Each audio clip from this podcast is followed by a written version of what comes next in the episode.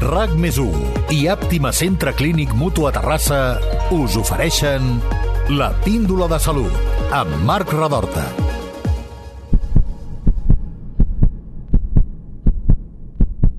La pròstata és una glàndula masculina que adquireix protagonisme a mesura que avança l'edat i bàsicament pels problemes de salut que genera. La inflamació d'aquest òrgan afecta a més de la meitat de la població masculina que té més de 50 anys.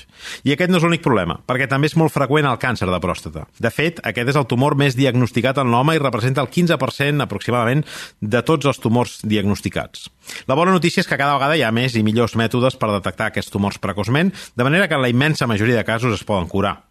Per parlar de com es detecta la malaltia, de com es tracta i de com s'hi conviu, hem demanat al doctor Josep Maria Caballero que ens acompanyi en aquesta píndola de salut. Ell és uròleg d'Àptima Centre Clínic. Doctor, benvingut a la píndola de salut. Hola, moltes gràcies. Long, long time touchdown brings me round again to find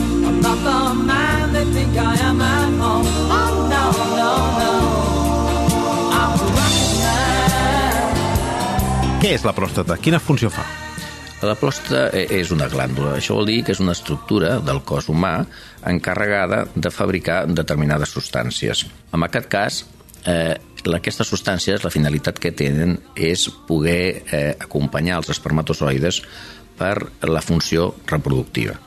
És el que acompanya el, el, el, les- la- l'acompanyament, els nutrients i les substàncies que acompanyaran a l'espermatozoide amb unes condicions òptimes fins a arribar a l'òvul. També és l'encarregat de la funcionali del funcionalisme de l'eyaculació. És eh, l'estructura que fa que el semen pugui ser ejaculat cap a fora. Uh -huh. um, és un òrgan que que es fa gran, que creix amb l'edat, i a més a més que no se sap ben bé per què encara, no s'ha no descobert. Quins problemes pot generar això i per què s'hauria de tractar?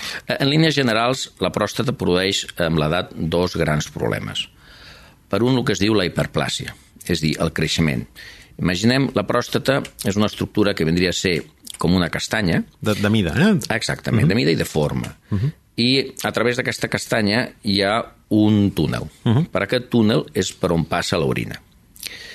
Amb el pas dels anys, la pròstata creix i aquest túnel es va fent més estret. Això és el que dona els símptomes de prostatisme. Eh? Els clàssica situació de que els homes urinen amb el pas dels anys doncs, amb un raig més finet, que tenen un goteig a l'acabar, que tenen que córrer per anar a buscar el lavabo, i això és molt important distingir-ho de l'altre gran procés, que és el càncer de pròstata. És a dir, tots els homes, en general, als 60 anys urinem pitjor que als 30. Anem a escoltar el testimoni d'un home precisament de 61 anys, en aquest cas, amb problemes de pròstata, i si et sembla després el comentem. Joan, gràcies per participar en aquesta píndola de salut. Gràcies a vosaltres per convidar-me. Molt bé, uh, explica'ns una mica com vas detectar que tenies problemes de pròstata. Bueno, el meu problema era que m'havia aixecat dos o tres vegades a la nit, que em coneixia tots els lavabos dels pàrquings de Barcelona i que m'havia d'organitzar el temps en funció de entre micció i micció, perquè la veritat és que la incontinència augmentava cada vegada més. I et van fer proves i van veure que era un problema de pròstata. Sí, em van fer unes proves abdominals, em van fer alguna ressonància, em van fer fluxometria i em van detectar que la pròstata era, tenia un tamany més gran de lo normal. I a partir de llavors, quin, quin tractament, quines alternatives et van oferir? Bueno, eh, jo vaig fer un seguiment d'un any eh, amb proves. Eh, en cap moment tenia un tema cancerós, sinó que era un problema de tamany i d'obstrucció, i vam seguir fent alguna altra fluxometria i anava a menys, i llavors la, el tractament havia de ser una operació que és, ells en diuen una enucleació prostàtica, que es tracta de mantenir la carcassa de la pròstata, però amb làser cremar l'interior, diguem. I va ser un èxit, no? Va ser un èxit amb una qualitat de vida brutal, perquè, és clar, eh, jo vaig passar de córrer a anar tranquil i, i doncs això, que la qualitat de vida va, va augmentar. Per tant, la teva vida és, és completament normal en aquest sentit, no? Pots, Sí. pots dormir seguit, no? Puc dormir seguit i la veritat és que no em cal, no em cal córrer, vull dir que ha canviat bastant. Aquest entenc que seria un, un cas molt habitual, no? molt freqüent. Sí, eh, jo crec que és, està, és un testimoni que ens, ens pot aportar doncs, molta llum a el que és exactament els problemes de pròstata. En aquest cas, el que està descrivint, i una mica per tranquil·litzar a la nostra audiència, els símptomes de prostatisme, de la hipertròfia, del creixement de pròstata, és el que ens està explicant aquest uh -huh. testimoni. Això està completament desvinculat de lo que seria el càncer de pròstata. En aquest cas, el que explica el nostre testimoni és que hi ha una obstrucció. Uh -huh. I aquesta obstrucció, com la millorem? Doncs pues traiem el TAP. I és el que ens ha dit molt ben explicat. És a dir, aquesta, aquesta obstrucció, això moltes vegades es compara pues, amb, una, amb una mandarina, uh -huh. aleshores el que traiem és la part interna, quan el problema és el TAP. Una vegada treta aquesta part interna, el flux de l'orina és molt més abundant. Uh -huh. I això és completament diferent, inclús de l'operació, que es fa quan hi ha un càncer, que trauríem no només els grills, la part interna, sinó també la pell. Uh -huh. uh, en aquest cas parlava d'una intervenció en làser, aquesta és la més freqüent, el, el tipus de tractament més habitual en aquests casos? En aquest moment, o sigui, hi ha al llarg de la història ha anat canviant molt el tipus d'intervenció.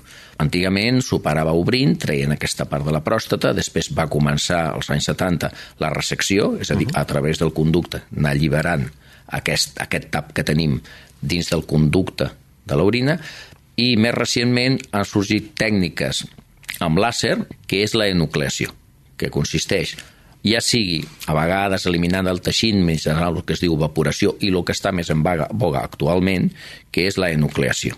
És a dir, a través d'un làser, treure tota aquesta part interna d'aquesta hipotètica mandarina per deixar el pas de l'orina. Que a més a més deu ser una intervenció relativament poc invasiva, no? Sí, són intervencions, no es té que minimitzar, continuen sent intervencions, continuen tindre els seus riscos com tot, mm. però tot això és la balança. Tu tens que eh, escollir eh, el que penses que és millor a priori. Evidentment, aquest eh, pacient li ha canviat la vida, amb la qual dius els riscos que pots tindre es poden assumir de llarg. Hi ha alguna conseqüència de tot plegat d'aquest tipus d'intervencions? Trastorns que poden haver-hi, sí. Per exemple, l'esfera de l'eyaculació moltes vegades s'altera. Això vol dir que malalts operats de pròstata amb freqüència presenten un, un, el que es diu una eyaculació retrògrada. Uh -huh. És a dir, a l'hora de l'eyaculació no expulsen el semen, se'n va cap a la bufeta i l'expulsem després amb l'orina. Això realment és un tema més estètic que real, ah. perquè, lògicament, la població, la clientela que tenim, doncs, són ja pacients que normalment el desig de, de paternitat ja està satisfet per lo de més hi ha altres conseqüències. Però la vida sexual es pot mantenir sí, sí, sí, sí, les sí, condicions, no? Sí, el que passa, a vegades, eh, una de les coses que es pensa amb, el, amb les operacions de pròstata és la seva associació amb la disfunció erèctil. Uh mhm. -huh. Això també es té que contextualitzar bé. Per una part, perquè és veritat que hi ha un percentatge de disfunció erèctil en intervencions per càncer de pròstata, que és molt més elevat que la disfunció erèctil per adenoma de pròstata. No obstant, ens movem moltes vegades en poblacions anyoses, que ja tenen de base un problema de disfunció. Uh -huh. Doncs eh, parlem precisament del càncer de pròstata. Eh, és un dels més comuns. Per què es produeix?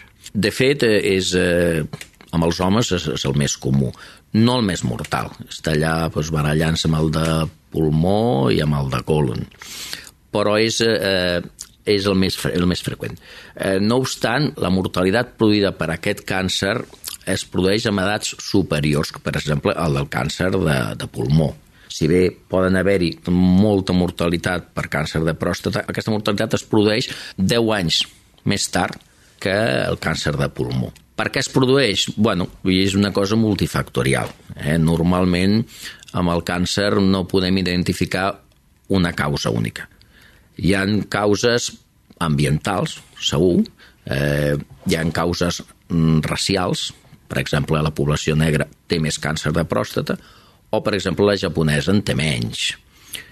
Hi han causes ambientals, perquè si estudiem, per exemple, mm, els japonesos que han viscut de tota la vida doncs als Estats Units, doncs aquesta incidència augmenta. Hi ha factors que depenen de la nostra estructura genètica. Per exemple, hi ha determinats gens que s'han identificat amb el càncer de pròstata i en algunes situacions familiars, de càncer de mama, càncer de pròstata, Hi ha uns gens determinats que d'identificar-se obliguen a fer un screening, un estudi a tota la família. Uh -huh.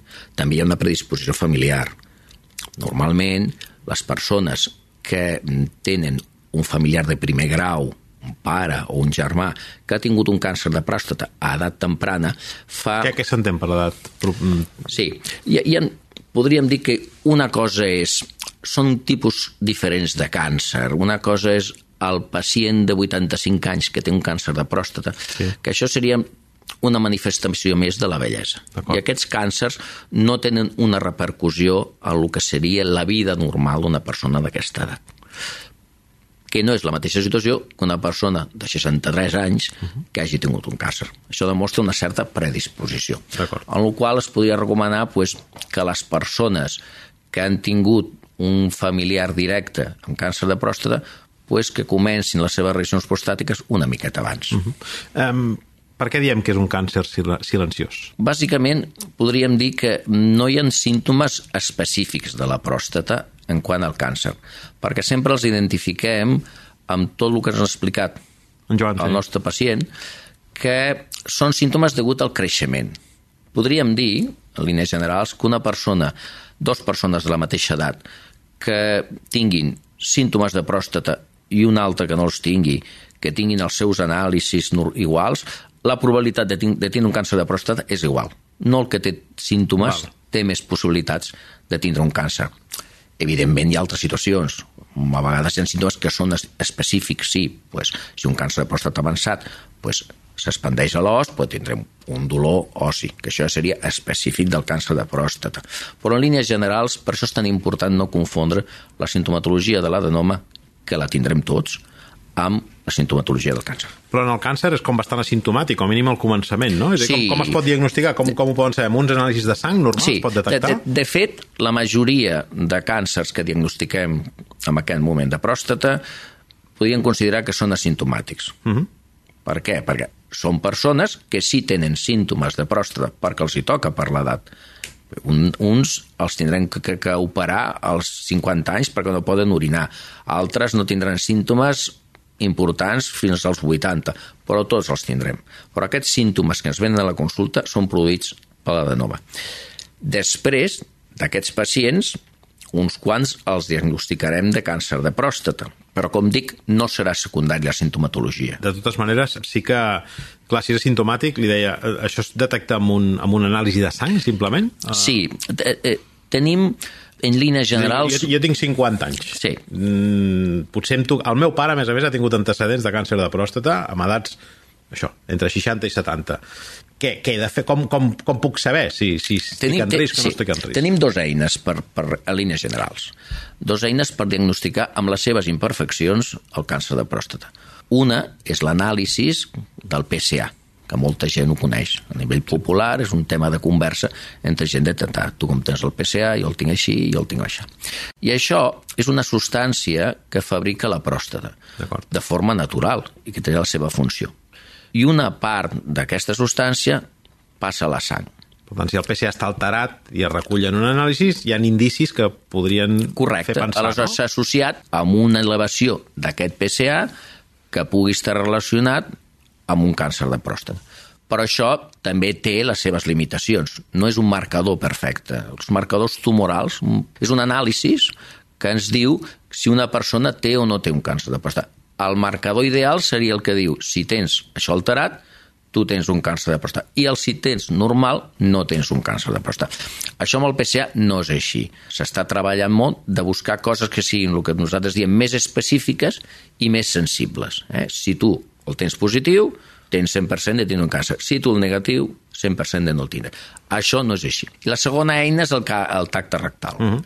El tacte rectal, senzillament, doncs, és tocar la pròstata. Com la pròstata està a la part de davant del recte, doncs no podem fer, com es recomana a les dones, la autopalpació que busquen les dones amb la, amb la palpació mamària, doncs un bulto, un, bulto. un nòdul. El mateix passa amb la pròstata. El tacte rectal et pot donar una idea. Normalment podríem dir que quan una persona té un nòdul a la pròstata que nosaltres palpem, és més possible que tingui un càncer de pròstata.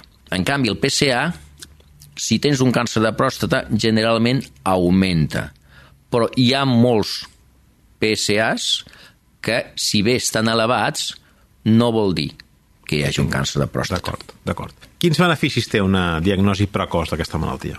Del càncer estem parlant. Bàsicament, es tracta de que ara la, la gran majoria dels càncers es poden curar. Fa unes dècades, la majoria de tumors de pròstata es detectaven ja en els estadius molt avançats, quan ja havia passat els, els, els ossos, el fetge, i en aquestes situacions el tractament només podia ser de pal·liatiu.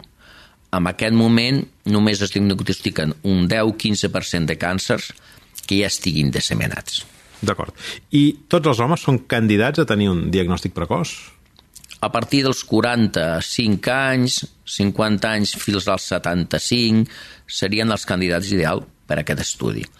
Quan dic fins als 75 és perquè hi ha càncers o situacions en les quals el diagnòstic el pacient no té gran profit. M'explico.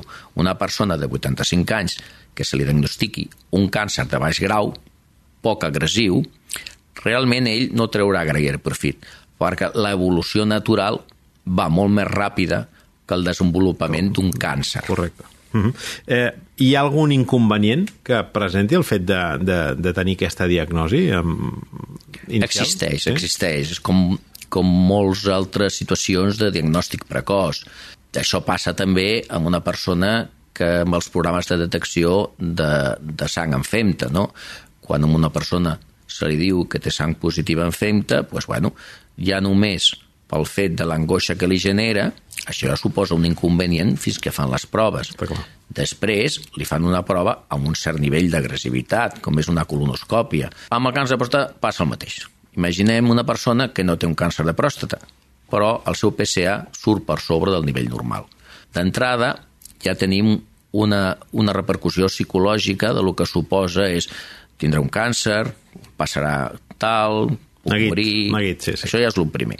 Segon, tenim que fer, si o objectivem que aquest PSA és elevat, una biòpsia de pròstata. Una biòpsia de pròstata és una prova que és invasiva. Això vol dir pues, fer unes punxades a la pròstata i que té un cert risc, infeccions, retencions d'orina, i això seria la part negativa. Si això ens permet diagnosticar Un càncer, un càncer i agafar-lo aviat, no?, amb temps. Perfecte. És...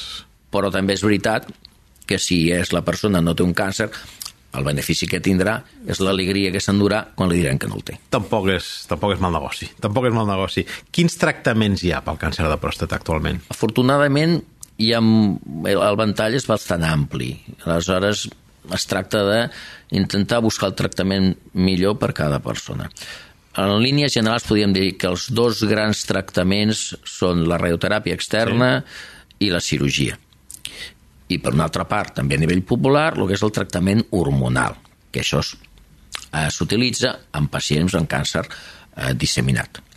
A part d'això, existen tractaments, que podria dir més nous, que no es té tanta experiència o sèries tan llargues i experiència com són la braquiteràpia, que és una radioteràpia que s'aplica per dins de la pròstata es fan unes llavors eh, radioactives i aleshores la radioactivitat, en lloc de vindre d'un foc extern, ve de dins de la pròstata. Eh, Es té que pensar que no hi ha veritats absolutes, és a dir, un mateix pacient es pot aplicar eh, radioteràpia i cirurgia. Aquest és un dels grans problemes que tenim perquè, clar, la nostra obligació és transmetre al pacient avantatges i inconvenients i arribar a un consens de decidir quin tractament és. Hi ha algunes que són eh, indicacions absolutes. Per exemple, si parlem d'una persona de 85 anys que està orinant bé i té un càncer de pròstata, no serà candidat a una cirurgia amb certa agressivitat.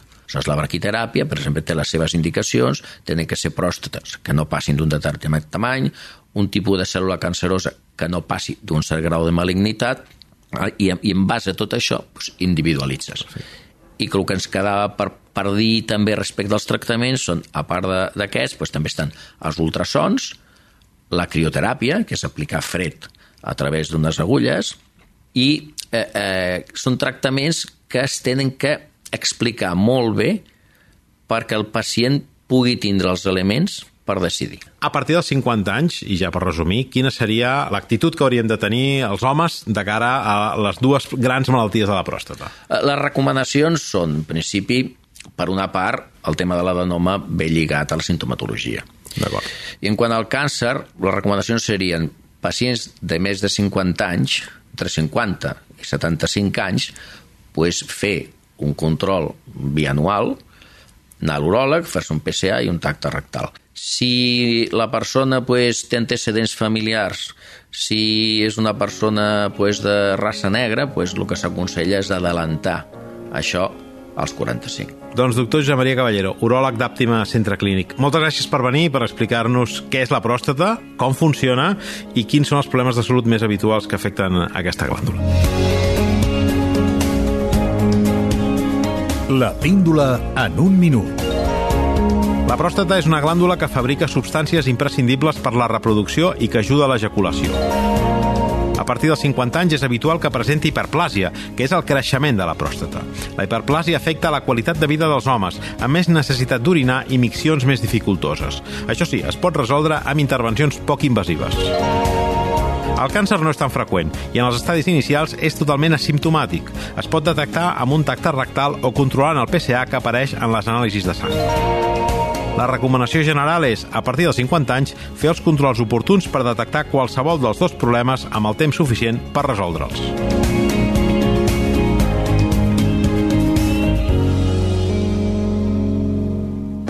RAC més 1 i Àptima Centre Clínic Mutu a Terrassa us han ofert la píndola de salut amb Marc Radorta.